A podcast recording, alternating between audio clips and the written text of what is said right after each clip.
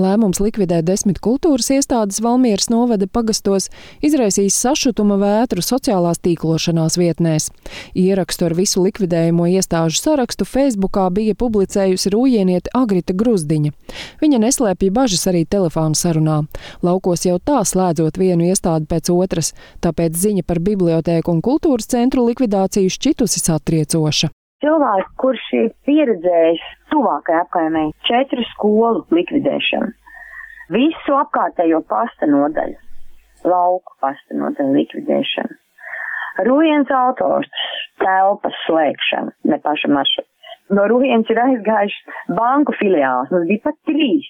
Visi samazināti, un šis vārds likvidācija izskan kā tāds, nu, nu, bais signāls īstenībā. Vēlāk gan domas pārstāvji Agritai Gruzdiņai atsūtījuši skaidrojumus, ka notikusi iespējams neveikla formulējuma izvēle, jo likvidācija nesot paredzēta, bet gan reorganizācija. Tomēr Skaņkalnes un Ķoņu pagastos bibliotēku vairs nebūs. Darbinieki tiks pārcelti attiecīgi uz Masalacas un Augšēnu bibliotēkām, jo tās atrodas vien pāris kilometru attālumā, bet grāmatas izdalīs citām krātuvēm.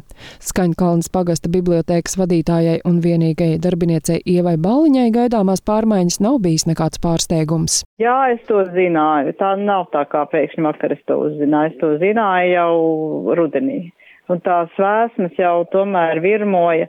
Nu, ziniet, situācija grūti droši vien cilvēkam, kas nav uz vietas, ir grūti saprast, jo principā, nu, skaņkalni ir tieši masalats pievārtē vienā pusē salacā ir masalats, otrā skaņkalni. Ja, nu, reāli es eh, masalats bibliotēku gandrīz var teikt redzu no savu pagalmu.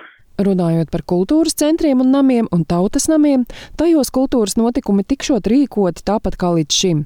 Arī darbinieki saglabās darba vietas, skaidroja Valmieras novada kultūras pārvaldes vadītāja vietniece kultūra politikas jautājumos Liena Jakobsone. Tās izmaiņas ir administratīvas, tātad ēkās nedarbosies konkrētā pašvaldības kultūras iestāde, bet būtiski, ka visi kultūras darbinieki darbosies citās kultūras struktūra vienībās un turpinās veidot kultūras pakalpojumu iedzīvotājiem. Šādas administratīvas izmaiņas skars kultūras namus centrus un tautas namus Jērcēnos, Brenguļos, Ramatā, Sēļos, Vecetē un Zilā kalnā.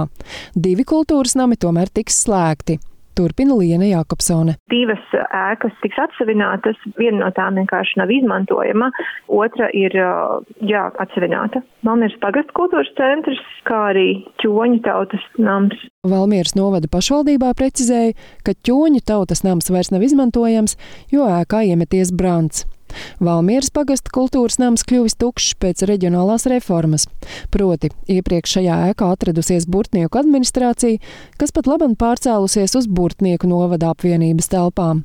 Kultūras sarīkojumi notikuši Valmieras pagasta kultūras nama zālē, taču uzturēt visu ēku tikai zāles dēļ būtu neracionāli jo īpaši tāpēc, ka šis nams atrodas tuvu Valmierai, tātad pilsētas kultūras iestādēm.